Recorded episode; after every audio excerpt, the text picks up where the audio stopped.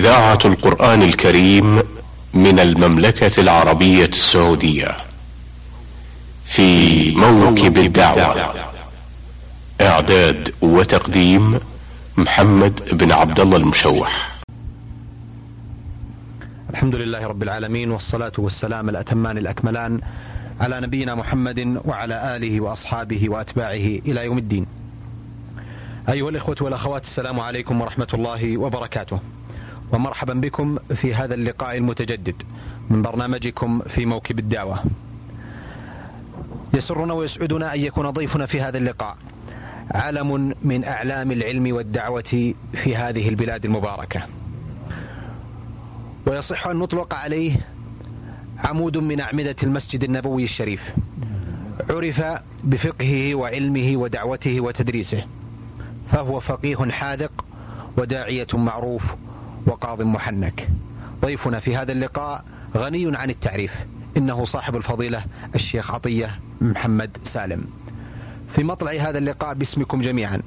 أرحب بفضيلة الشيخ عطية وأشكر له قبوله دعوة البرنامج. حياكم الله فضيلة الشيخ. أهلا وسهلا أخويا. فضيلة الشيخ آه، في الحقيقة أننا اعتدنا مع مستمعينا من الإخوة والأخوات أن نبدأ بضيفنا الكريم لنعود آه، إن صح التعبير إلى الوراء قليلا. لنستمع عن بداياتكم ونشأتكم أين كانت. بسم الله. والحمد لله. والصلاة والسلام على سيدنا رسول الله صلى الله عليه وعلى آله وصحبه ومن والاه وبعد.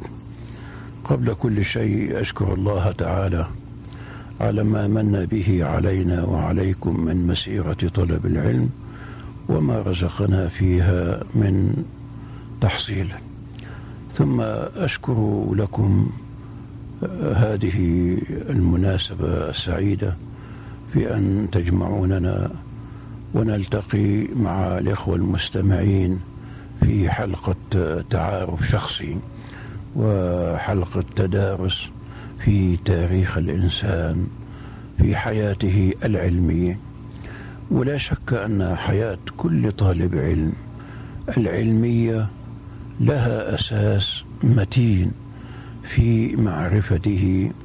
وقد أقول أيضا والثقة في ما يقدمه في هذا الميدان. خاصة إذا عرف شيوخه ودراسته وكتبه وما حول ذلك مما يكون هو الأساس في تأسيسه كشخص طالب علم أو كشخص داعية إلى الله سبحانه وتعالى. وهذا المبدأ من تعريف الشخصية آه، وجدت له أصلا في كتاب الله وفي سنة رسول الله صلى الله عليه وسلم وعمل الصحابة رضي الله تعالى عنهم. أما في كتاب الله وهو الذي يهمنا أن الله سبحانه وتعالى يعرف نبيه محمد إلى ذويه وأهله إلى قريش. في قوله سبحانه لقد جاءكم رسول من أنفسكم. عزيز عليه ما عنتم حريص عليكم بالمؤمنين رؤوف رحيم. هذه الترجمة الشخصية لرسول الله صلى الله عليه وسلم مع أنهم يعرفون ذلك لكنها تأييد لصاحب الرسالة ورد لهؤلاء إلى الشخصية التي جاءتهم بالرسالة وهم يعرفون نشأته صدقا وأمانة ووفاء بالعهد وكل مكارم الأخلاق التي عرفوها عنه.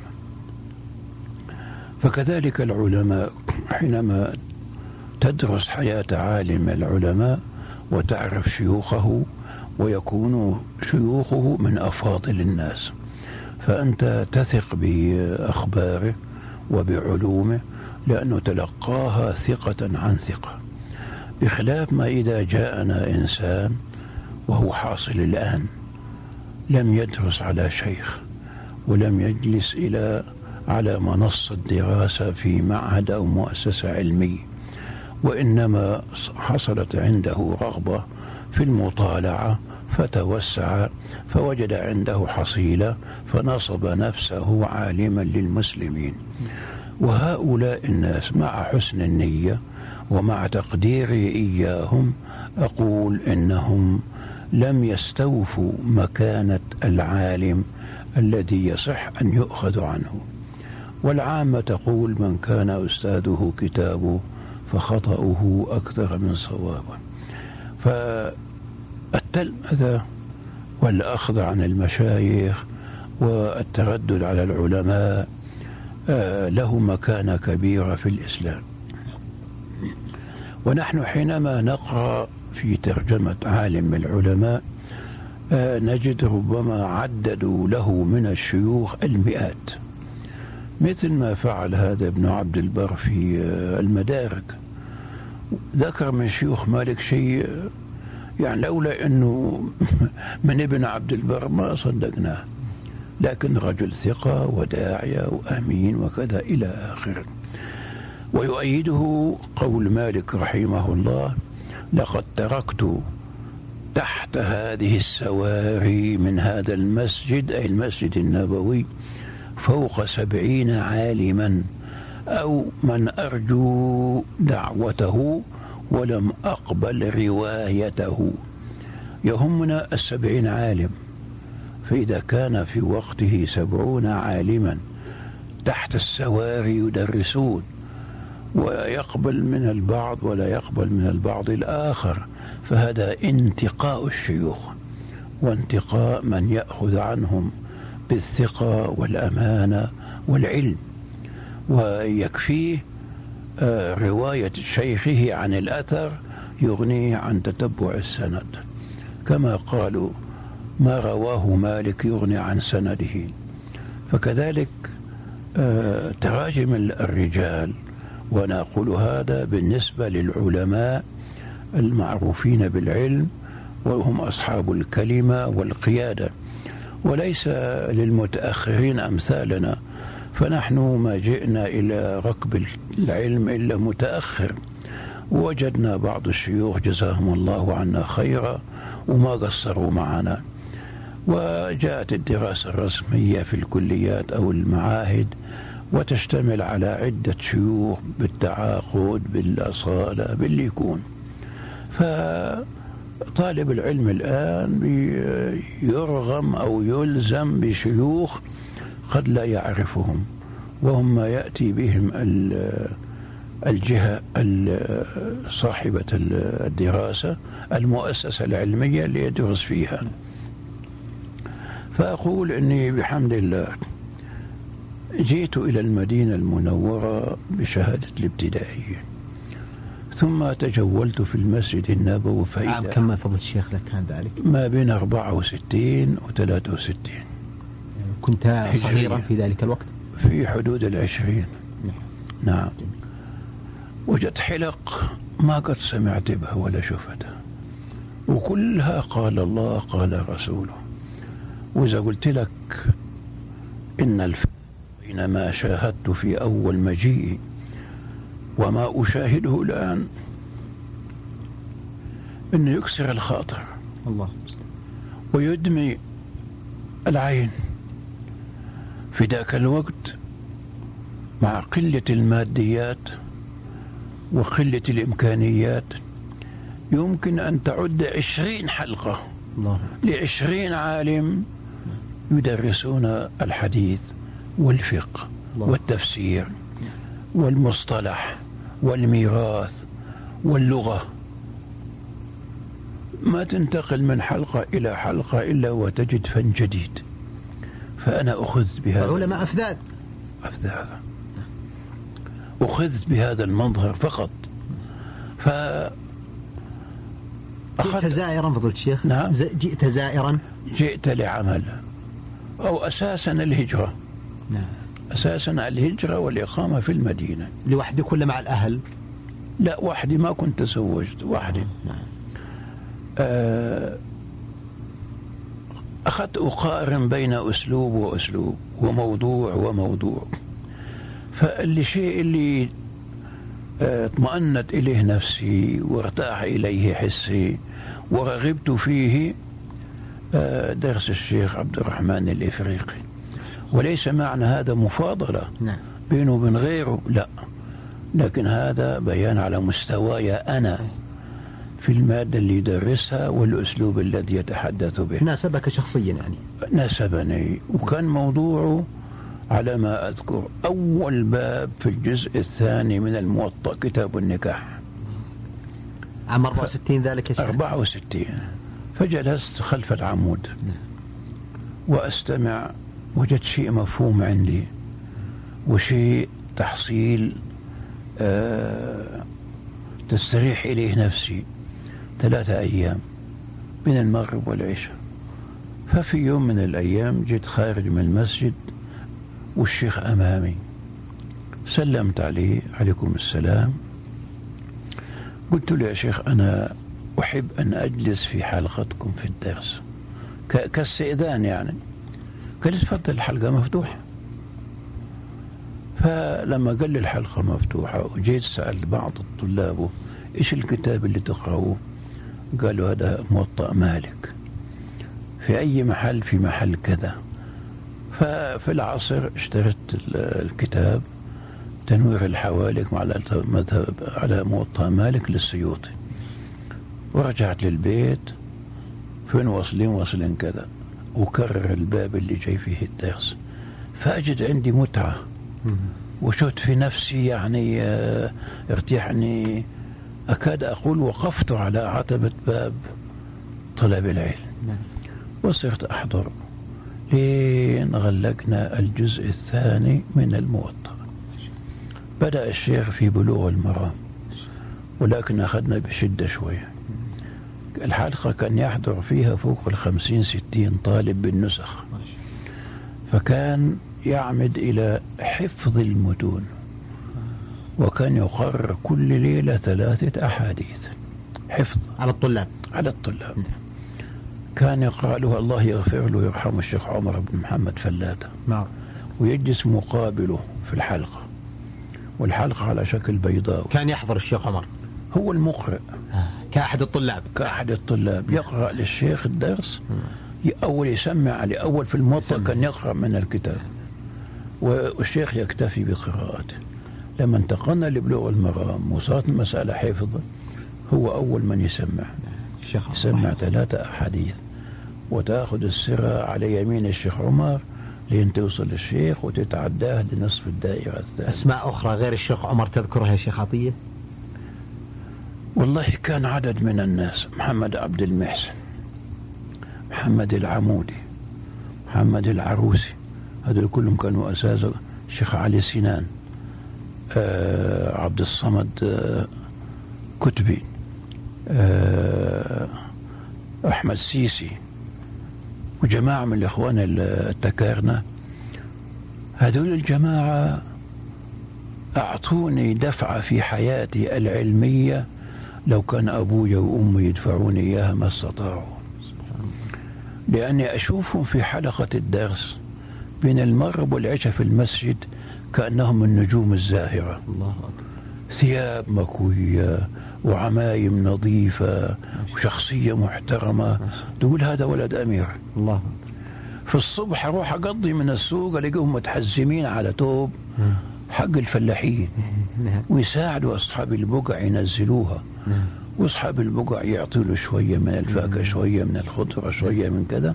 فإذا انتهى من أول السوق بسط عمامته وحط عليها هذه الأشياء وباع اللي ينباع منها ورجع بالباقي إلى بيته. الله فكانوا في صباح النهار عمل في السوق.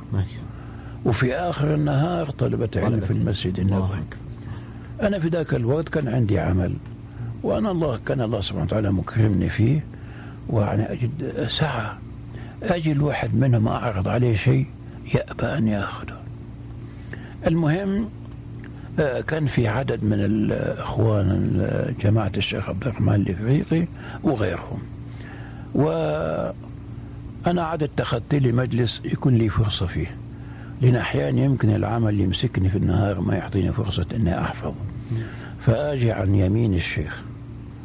على ما يدور التسميع من الشيخ عمر ويأخذ نصف الحلقة إلى الشيخ وأسمع هذا يتكرر على أذني كن حفظت. 10 15 مرة أكون حفظت. حفظتكم كانت قوية ما. لا على هذا الواقع ما يعني. شاء الله.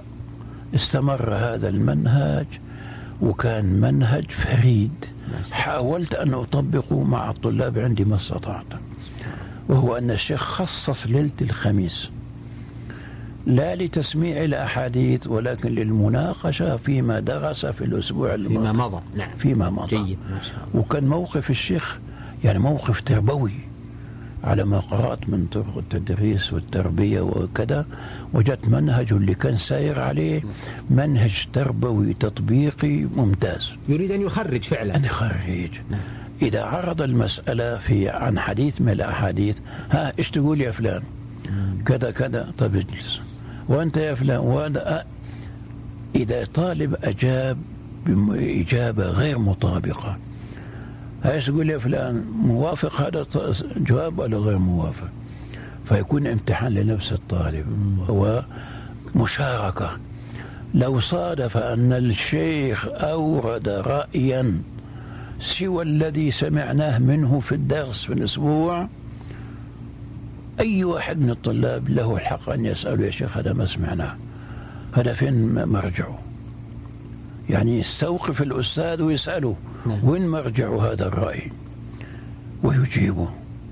ما يتعالى عليه ولا يستوحش من سؤاله لا. المهم كان طريقة الله سبحانه وتعالى فتح عليه فيها وكانت هي اللي ميزته من كثير من المدرسين في المسجد النبوي. درسه كان يومي فضيلة الشيخ؟ يوميا بين المغرب والعشاء. آه، في في دروس معينة؟ في العلوم؟ آه، بلوغ المرام الحديث فقط. الحديث فقط. لما أنهينا الحديث بلوغ المرام كله ما شاء الله. جاءنا إليه نيل الأوطار ما شاء الله. للشوكاني شكرا وأخذ معه البيقونية مصطلح الحديث. وبعد فترة لقناها أخذ معه رياض الصالحين. يقرأ من هذا شوية ومن هذا شوي. واستمرت الدراسة على هذا لعام 71 طيب عفوا فضيلة الشيخ أتوقف الآن. ال- ال- الآن حديثكم عن الشيخ عبد الرحمن الفريقي وطريقته في التدريس. الشيخ عطية محمد سالم كنتم من أبرز طلاب الشيخ عبد الرحمن الفريقي. لو سألتكم ما هي أبرز سمات وشخصية الشيخ عبد الرحمن الفريقي بماذا كان يتميز غير ما ذكرتم أبرز سماته ليست بسعة العلم عن غيره نعم. كان في الشيخ محمد بن تركي يعتبر الفقيه الحنبلي الأول نعم.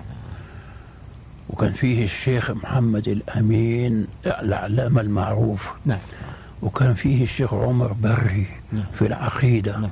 وكان فيه الشيخ عبد الحفيظ يدرس البخاري من حفظه ما أخذ كتاب. وكان وكان وكان. لكن اللي تميز به الشيخ عبد الرحمن سعة صدره وبساطة أسلوبه وعدم الاستنكاف من أي طالب. الله أكبر. فكان يعني آه، هذه النواحي اللي كانت عوامل انجذاب الطلاب إليه. وكانت ليلة الخميس هذه كأنها ليلة معرض.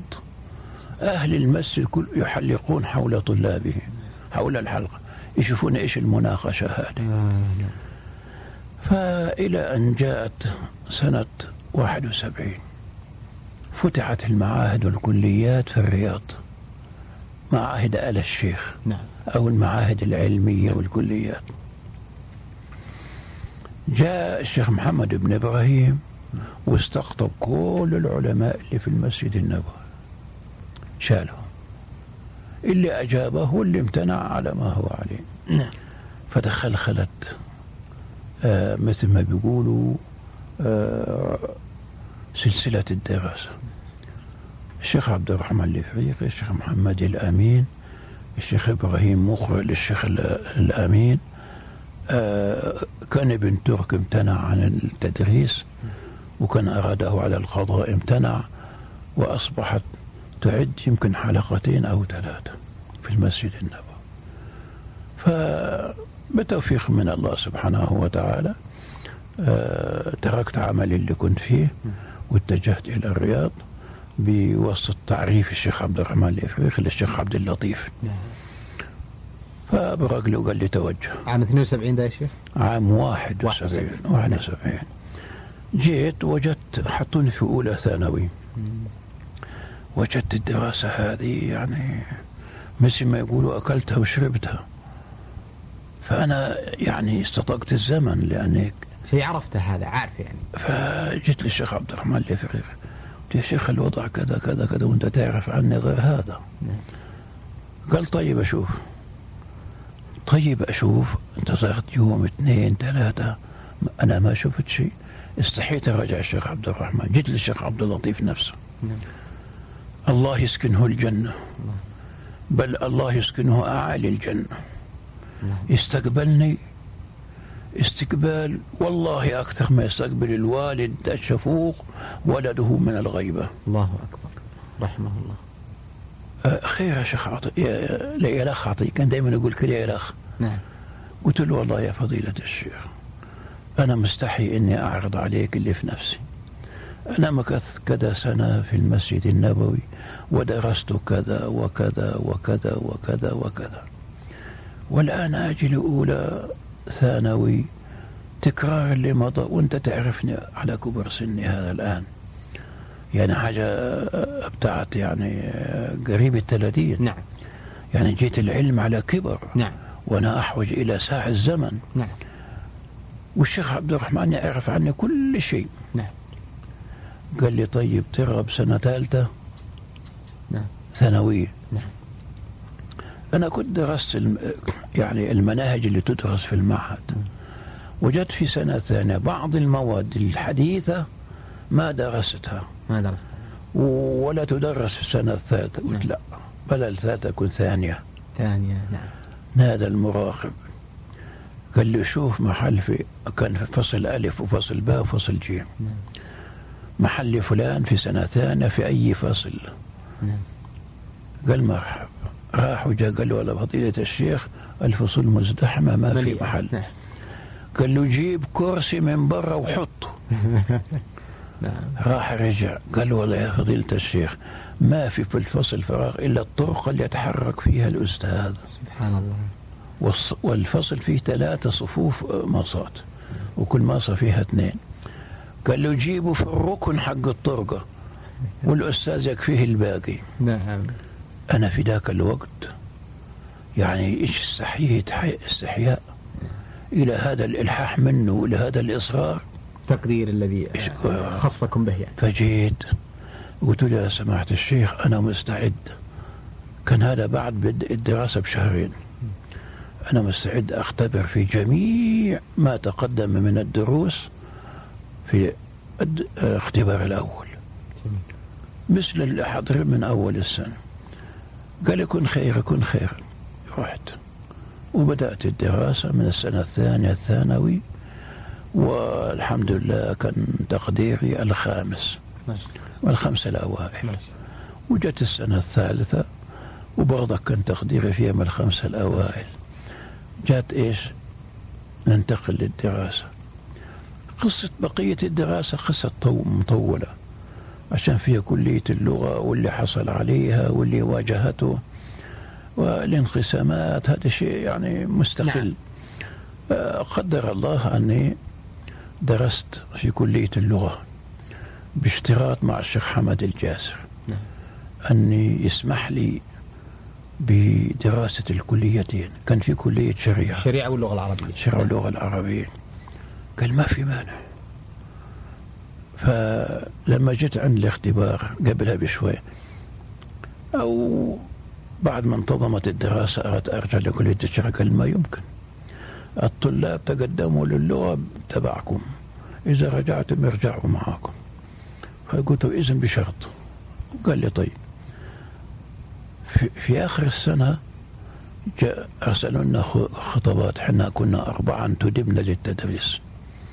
بعد السنة الأولى من اللغة. وتعادل الثانية من الشريعة. نعم. أرسلوا لنا خطابات. كونوا في أماكنكم حتى تجروا اختبار الطلاب. في هذه زي ما تقول آه، ضاقت الدنيا علي. كنت دارس في الأحساء وأكتب لجميع الزملاء المنتدبين. الآن خطر كذا وكذا وكذا وكذا. فالآن يرسل كل واحد منكم على حدة أن إحنا إما توفونا بالشرط وإلا نترك محلاتنا ونجي للكراسي لندرس؟ والله بعد أسبوع ما طولت. خلاص خليكم في محلاتكم لغاية الاختبار وبعدين تعالوا اختبرون. وتمت المسألة أو اللعبة ومشينا الدور الأول في اللغة والدور الثاني في الشريعة. وذاك لما أقول يعني شهادة الكليتين أقول مرغم من أخوك مش أخاك. لا بطل. فكانت الدراسة النظامية أخذت هذا الشكل آه، بصفة ما ومكثت في الأحساء أربع سنوات. إذا كان مدة دراستكم في الكلية سنة تقريبا فقط. الدراسة المنتظمة. يعني المنتظمة الدراسة النظامية إيه؟ سنة واحدة. سنة واحدة. والسنوات الثلاثة الأخرى بالانتساب. بالانتساب وأثناء تدريسكم. ومع تدريسي. جلستوا في الأحساء كم يا شيخ؟ أربع سنوات. في المعهد العلمي هناك. في المعهد العلمي. بعد افتتاحه؟ إي نعم بعد افتتاح كان محل الشيخ راشد بن خنين. راشد بن خنين. آه كان يدرس في معهد الأحساء واحتاجوه في الكليات. من كان مدير المعهد العلمي يا شيخ؟ آه مدى الإحساء هناك؟ عبد الله بن خميس. الشيخ عبد الله بن خميس. هذا الموجود نعم نعم كان هو جزء. كان هناك أشياء هم يقولون في السياسة آه، ما تذاع قبل 15 سنة. ولكن لأن مضى عليها سنوات كان أسباب انتداب الطلاب للتدريس. حصلت أزمة بين المملكة وبين مصر في آه، إعارة المدرسين. نعم. وراحوا جمال ما كانش يبالي. فأراد أن يحارب بكل سلاح. فهم كان الشيخ عبد الرزاق عفيفي الله يغفر له. اقترح أن يؤخذ من كبار الطلاب للمعاهد. نعم. ويستغنوا ويستغنى عنه ويستغنى عنه. وفعلا مشت. نعم. لأن انصلح الحال نعم طيب. الأمور. جميل. فلما تخرجنا جلست في الأحساء أربع سنوات. أربع سنوات. ثم بعد ذلك؟ آه استدعيت للرياض. لماذا؟ آه كنا تخرجنا واستلمنا الشهادة أيوة. واحتيج إلى المدرسين في الكلية. الكلية نفسها. فلما جيت آه، في نص السنة كملت السنة في الثانوي ومن أول السنة انتقلت إلى إيش؟ التدريس في الكليتين. ودرس الحديث وعلم الوضع. علم الوضع الآن ترك يكاد يكون فقد يعني. فوفق الله بالتوفيق والنجاح. المراد بعلم الوضع يا شيخ. خيال هذه. خيال. أنا لما جاني المراقب وقال لي تدرس علم الوضع. قلت له أنا؟ ما هو عيب. عندك شيوخ شياب الأزهر. سيبهم وتجيني. قال الشيخ يوسف عمر رئيس البعثة لما عرضناها عليهم وامتنعوا قال أعطوها لفلان. قلت الشيخ هو رئيس البعثة أولا حاليا. نعم. وهو اللي درسناه قلت الشيخ يوسف يقول لكم أعطوه لفلان والله على العين والرأس. علم الوضع يبحث في وضع اللغات. اللغات. نشأتها. هي توقيفية أو هي اصطلاحية أو هي ذاتية. وكل هذه أشياء نعم. بالخيال والتخرص. ثم يأتي إلى وضع الكلمات. وضع الأعلام ما يسمونه وضع خاص لخاص. ولو تكرر. أنت اسمك محمد. أنا ولدي اسمه محمد.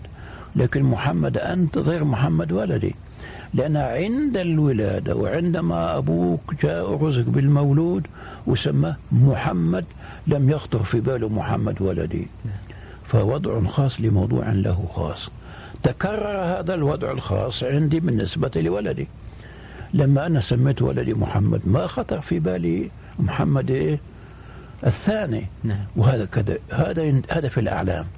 لكن في الأمور القواعد العامة المثنى بأي وضع وضع وضع لموضوع وضع بوضع عام لموضوع له خاص. بمعنى أن زيادة الألف والنون في الاسم يدل على التثنية. لأي شيء مطلق مسمى. مفرد زيد عليه ألف ونون يصير مثنى. يعني من هذا القبيل شيء كثير وكان لي فيه آه، موقف مع الأستاذ أيضا. ودرست هذا العلم. ودرسته وأخذت مذكرة الأستاذ اللي كان يدرسها مكافأة على تصحيح في خطأ المذكرة اللي في يد الطلاب. نعم. آه، أحسنت فضيلة الشيخ. في الحقيقة ودنا أن نسترسل فضيلة الشيخ كثيرا في بعض الجوانب الرائعة والجميلة والمفيدة عن حياتكم لكنني أرى أن وقت الحلقة لا يسعفنا بمزيد من ذلك آه، إلا أنني أعد الإخوة والأخوات أن يكون لنا تواصل ولقاء قادم مع صاحب الفضيلة الشيخ عطية محمد سالم العالم والفقيه المعروف. آمل أن يكون هذا اللقاء في الأسبوع القادم. تقبلوا تحية مني والسلام عليكم ورحمة الله وبركاته. إذاعة القرآن الكريم من المملكة العربية السعودية في موكب الدعوة. إعداد وتقديم محمد بن عبد الله المشوح.